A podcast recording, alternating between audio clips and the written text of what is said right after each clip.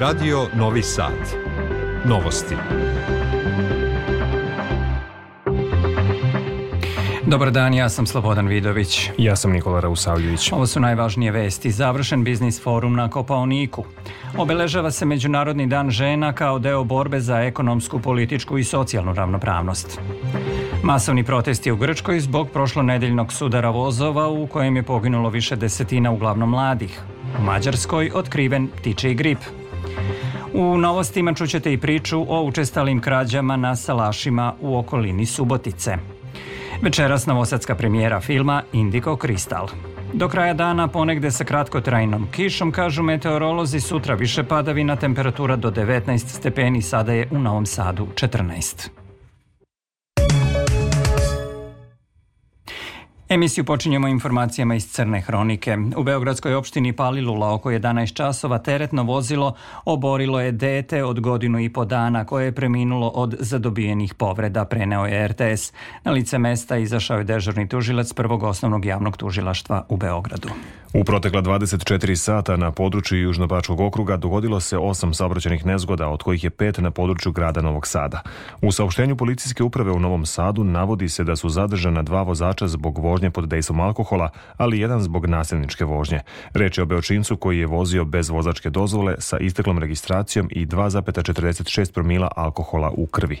Zadržani vozač, vozači su uz prekršajnu prijevu privedeni nadležnom prekršajnom sudiji. Cisterna sa azotom prevrnula se jutros na putu Požega-Arilje, ali je brzom reakcijom nadležnih službi izbegnuta opasnost od težih posledica po ljude i životnu sredinu, objavio RTS. Evakuisano je stanovništvo iz okolnih kuća u mestu Gorobilje. Ekipa hitne pomoći odmah je stigla na lice mesta i vozača cisterne prevezla u zdravstveni centar Užicu i njegovo stanje je stabilno. Očekuje se da će nakon neophodnih analiza i pregleda lekara vozač biti pušten na kućno lečenje.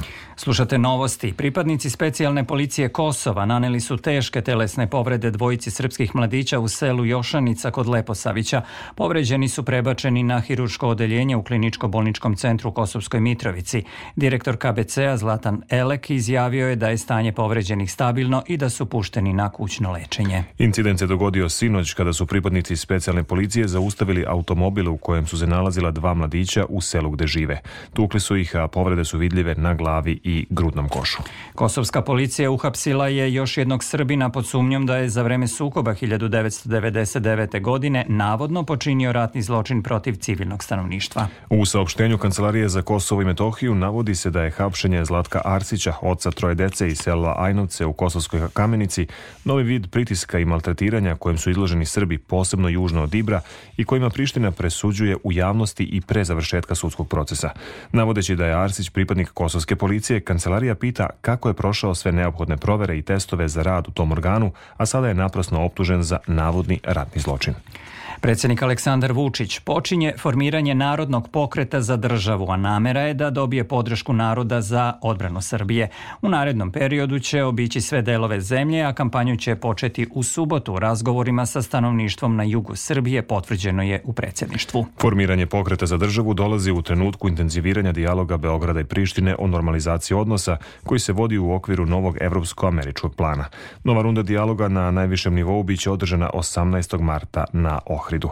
Kao deo priprema za taj sastanak, specijalni zaslanik Evropske unije Miroslav Lajčak sutra i preko sutra će posetiti Prištinu, a 13. i 14. marta i Beograd.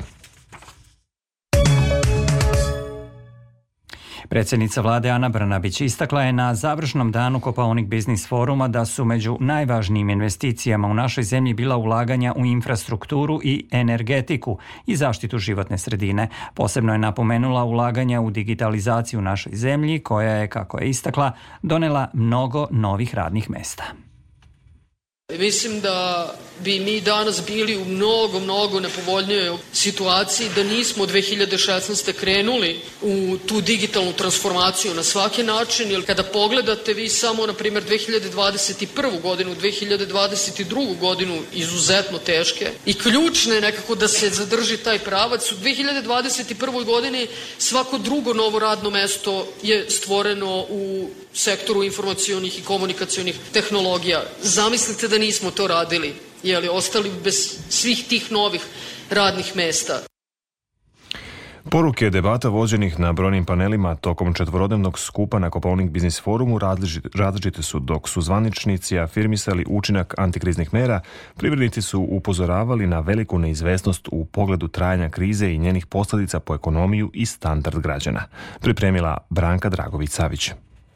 Za domaću ekonomiju od ključnog značaja u aktualnoj krizi bila je stabilnost deviznog kursa, rekao je ministar financija Siniša Mali, ističući da uprkos krizi privreda Srbije raste. Mi od naše ekonomske politike nećemo odustati. Postoji nekoliko stubova na kojima se ta ekonomska politika zasniva. Prvi je očuvanje mira i stabilnosti. Drugo, nastavit ćemo sa podizanjem životnog standarda građana Srbije. Program Srbija 2025 podrazumeva da će nam plate biti u proseku u decembru 2025. godine godine 1000 evra, prosječna penzija 430 450 evra. Treće su kapitalne investicije. Dakle, hoćemo da investiramo svake godine više i u putnu infrastrukturu, i u železničku infrastrukturu, i u zelenu agendu. Četiri su strane direktne investicije i posticanje izvoza. Nikada se nećemo igrati sa makroekonomskom stabilnošću. Dakle, naš javni dug biće uvek ispod 60%, a novac i za koji se zadužimo ulagaćemo u kapitalne projekte isključivo, dakle projekte od kojih građani Srbije imaju koristi. Krize najviše pogađaju najsiromašnije, posebno zbog povećanja cena osnovnih životnih potrepština, ukazao je član Fiskalnog saveta Srbije Nikola Altiparmakov,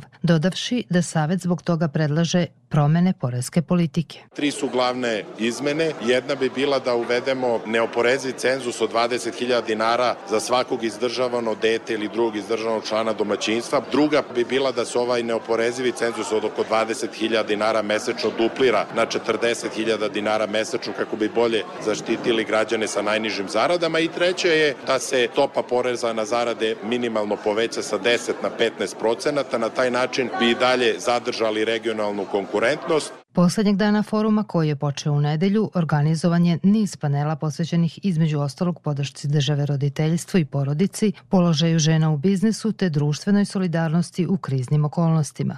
Jubilarni 30. Koponik Biznis Forum okupio je 1500 učesnika i oko 200 panelista, a njegova centralna tema bila je otpornost ekonomije u neizvesnim vremenima i ključni izazovi za Srbiju i Zapadni Balkan.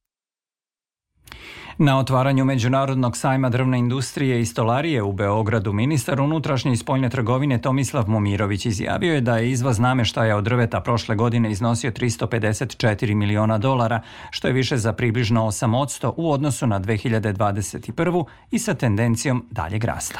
Prema njegovim rečima, drvna industrija Srbije zajedno sa poljoprivredom, metalskom i IT industrijom je oslonac razvoja zemlje. U drvnoj industriji Srbije zajedno sa šumarstvom i papirnom industrijom zaposleno je 55.000 radnika, naveo je ministar. Svet. Hiljade radnika u Grčkoj štrajkuje u znak protesta zbog železničke nesreće u kojoj je poginulo 57 ljudi, uglavnom studenata, a masovne demonstracije će kulminirati ispred parlamenta u Atini.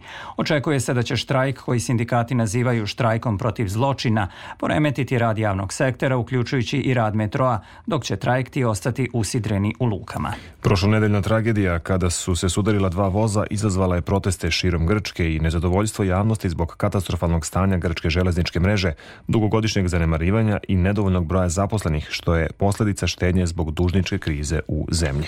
Ptiči grip ponovo je otkriven na farmi sa 7400 gusaka u okruglu Begeš na jugoistoku Mađarske, saopštila je uprava za bezbednost hrane u toj zemlji. Mediji prenose da je bolest registrovana i kod ptica u zatočeništvu u okrugu komarom Estergom na severu zemlje. Prethodno je i Francuska prijavila izbijanje visoko patogenog ptiče gripa među crvenim lisicama severoistočno od Pariza. Ukrajinski ministar odbrane Oleksij Reznikov apelovao je na kolege iz Europske unije da podrže plan o kupovini milion artiljerijskih granata koje bi pomogle Ukrajini da se odbrani od ruskog napada, ali i da pokrenu kontranapad. Generalni sekretar Ujedinjenih nacija Antonio Guterres dolazi u Kijev da sa ukrajinskim predsjednikom Volodimirom Zelenskim razgovara o produženju sporazuma sa Moskom koji dozvoljava izvoz ukrajinskog žita preko Crnog mora. Ministarstvo odbrane Rusije objavilo je da je Ukrajina vratila 90 ruskih ratnih zarobljenika zarobljenika, dok je Kijev saopštio da je 130 ratnih ukrajinskih zarobljenika vraćeno nakon razmene. Rusija se suočila sa direktnim pretnjama po svoju bezbednost i suverenitet, ali njeni stanovnici su spremni da štite budućnost zemlje, izjavio je predsjednik Rusije Vladimir Putin. Tokom dodele državnih priznanja istaknutim ženama u Kremlju na Međunarodni dan žena, Putin je istakao da žene u Rusiji daju ogroman doprinos razvoju države i realizaciji nacionalnih zadataka. Od prošle godine ponovo se dodeljuje počasno zvanje majka heroina, što je sada jedno od najviših državnih priznanja Rusije. Još jedna vest iz sveta, zemljotres jačine 5,7 stepeni po Richteru pogodio je jutros deo Rusije u blizini Kurilskih ostrava. Epicentar je bio 101 km jugoistočno od severo-Kurilska na dubini od 60 km. Za sada nema informacija o žrtvama i materijalnoj šteti. Danas je Međunarodni dan žena u znak sećanja na demonstracije američkih radnica u Čikagu 1909. godine i marš više od 15.000 žena u Njujorku koje su tražile kraće radno vreme, bolje plate i pravo glasa. Pripremila Vesna Balta. Iako smatraju da je svaki dan povod da se ženama pruži pažnja, građani Sremske Mitrovice kažu da i ovaj 8. mart obeležavaju uglavnom darivanjem. Pa neki cvet, čokoladica, znak pažnje. Da obradovat ću mamu i koleginice na poslu. Značajno, pa svaki dan treba njima da se poklanja pažnja. Nema neki pokloni, ali cveće, to je znak pažnje. Pa lepo je po pažnju treba uvek.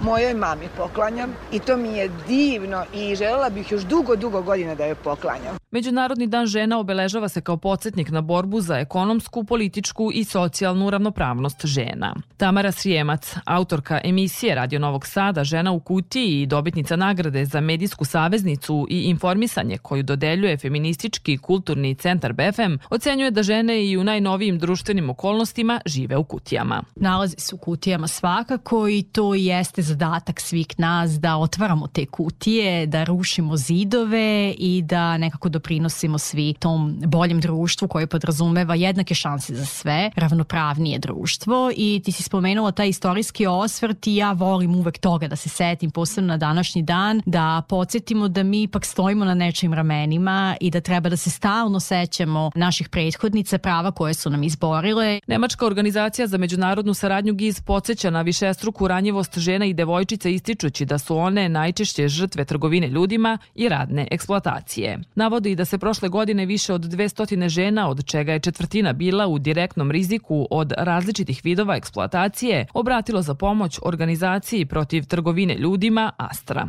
Generalni sekretar Ujedinjenih nacija Antonio Guterres poručio je da prava žena nisu luksus koji može da čeka dok se ne reše kriza u svetu. Kaže da svakih 10 minuta jednu ženu ili devojčicu usmrti član porodice ili partner, a da svaka dva minuta jedna umre za vreme trudnoće ili porođaja.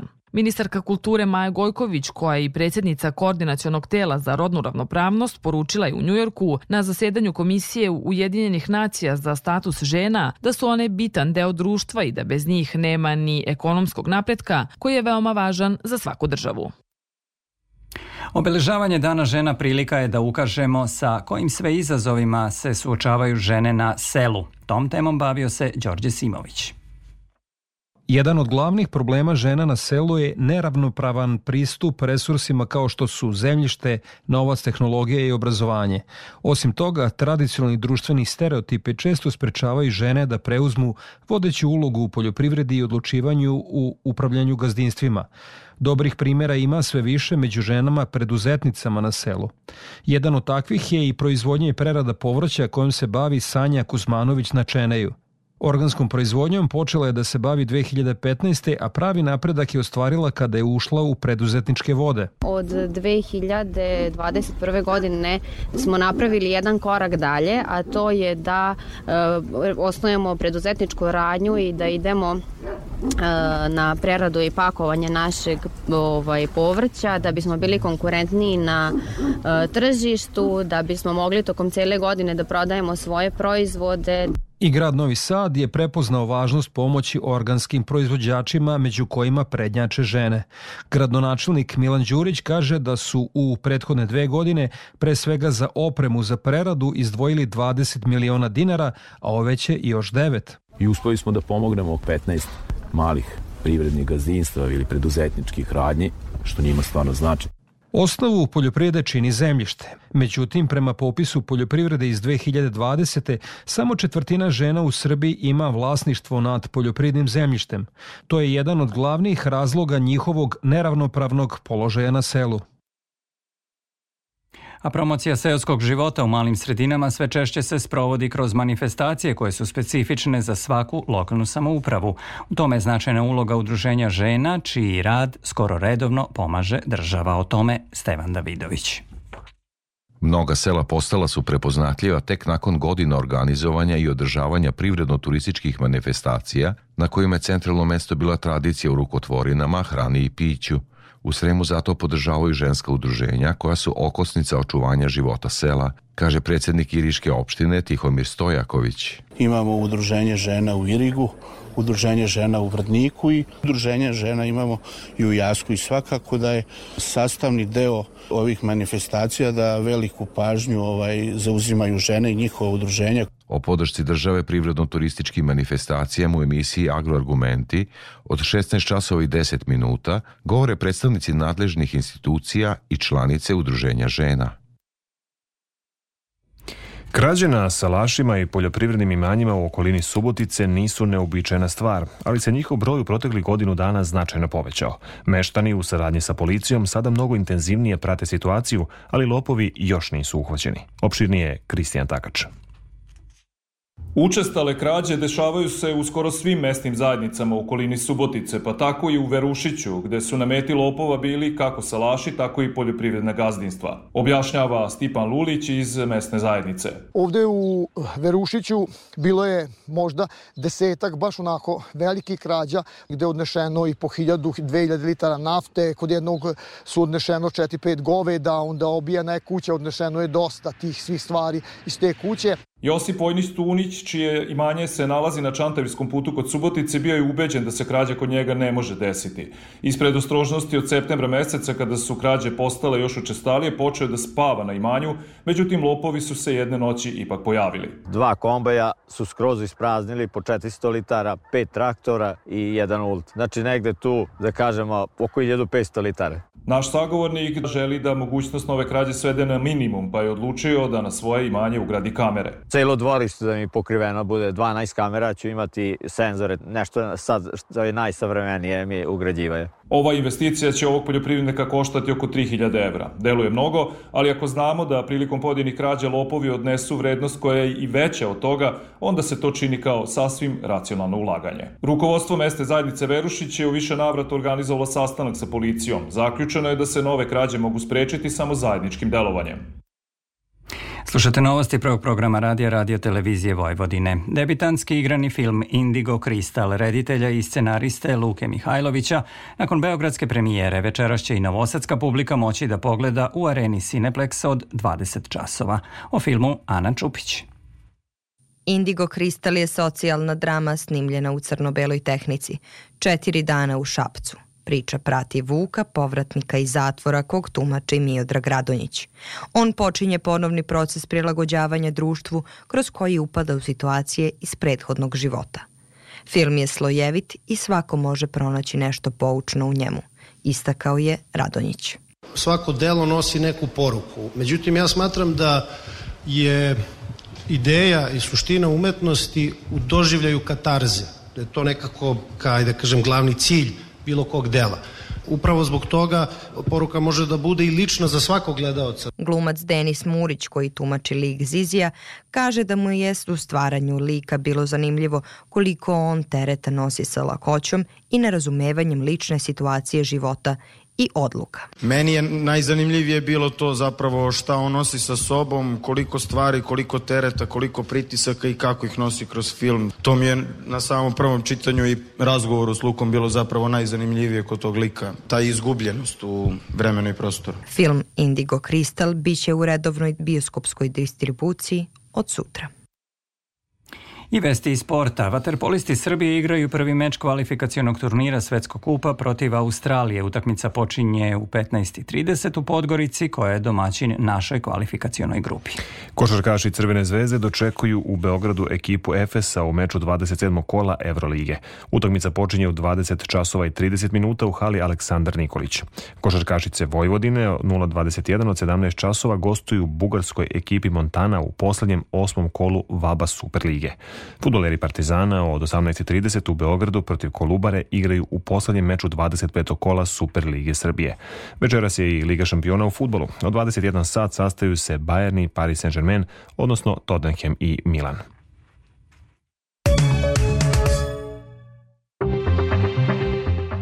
Sreda je 8. mart, još jednom najvažnije vesti. U Beogradu poginulo dete nakon što ga je udario kamion, vozaču određen pritvor.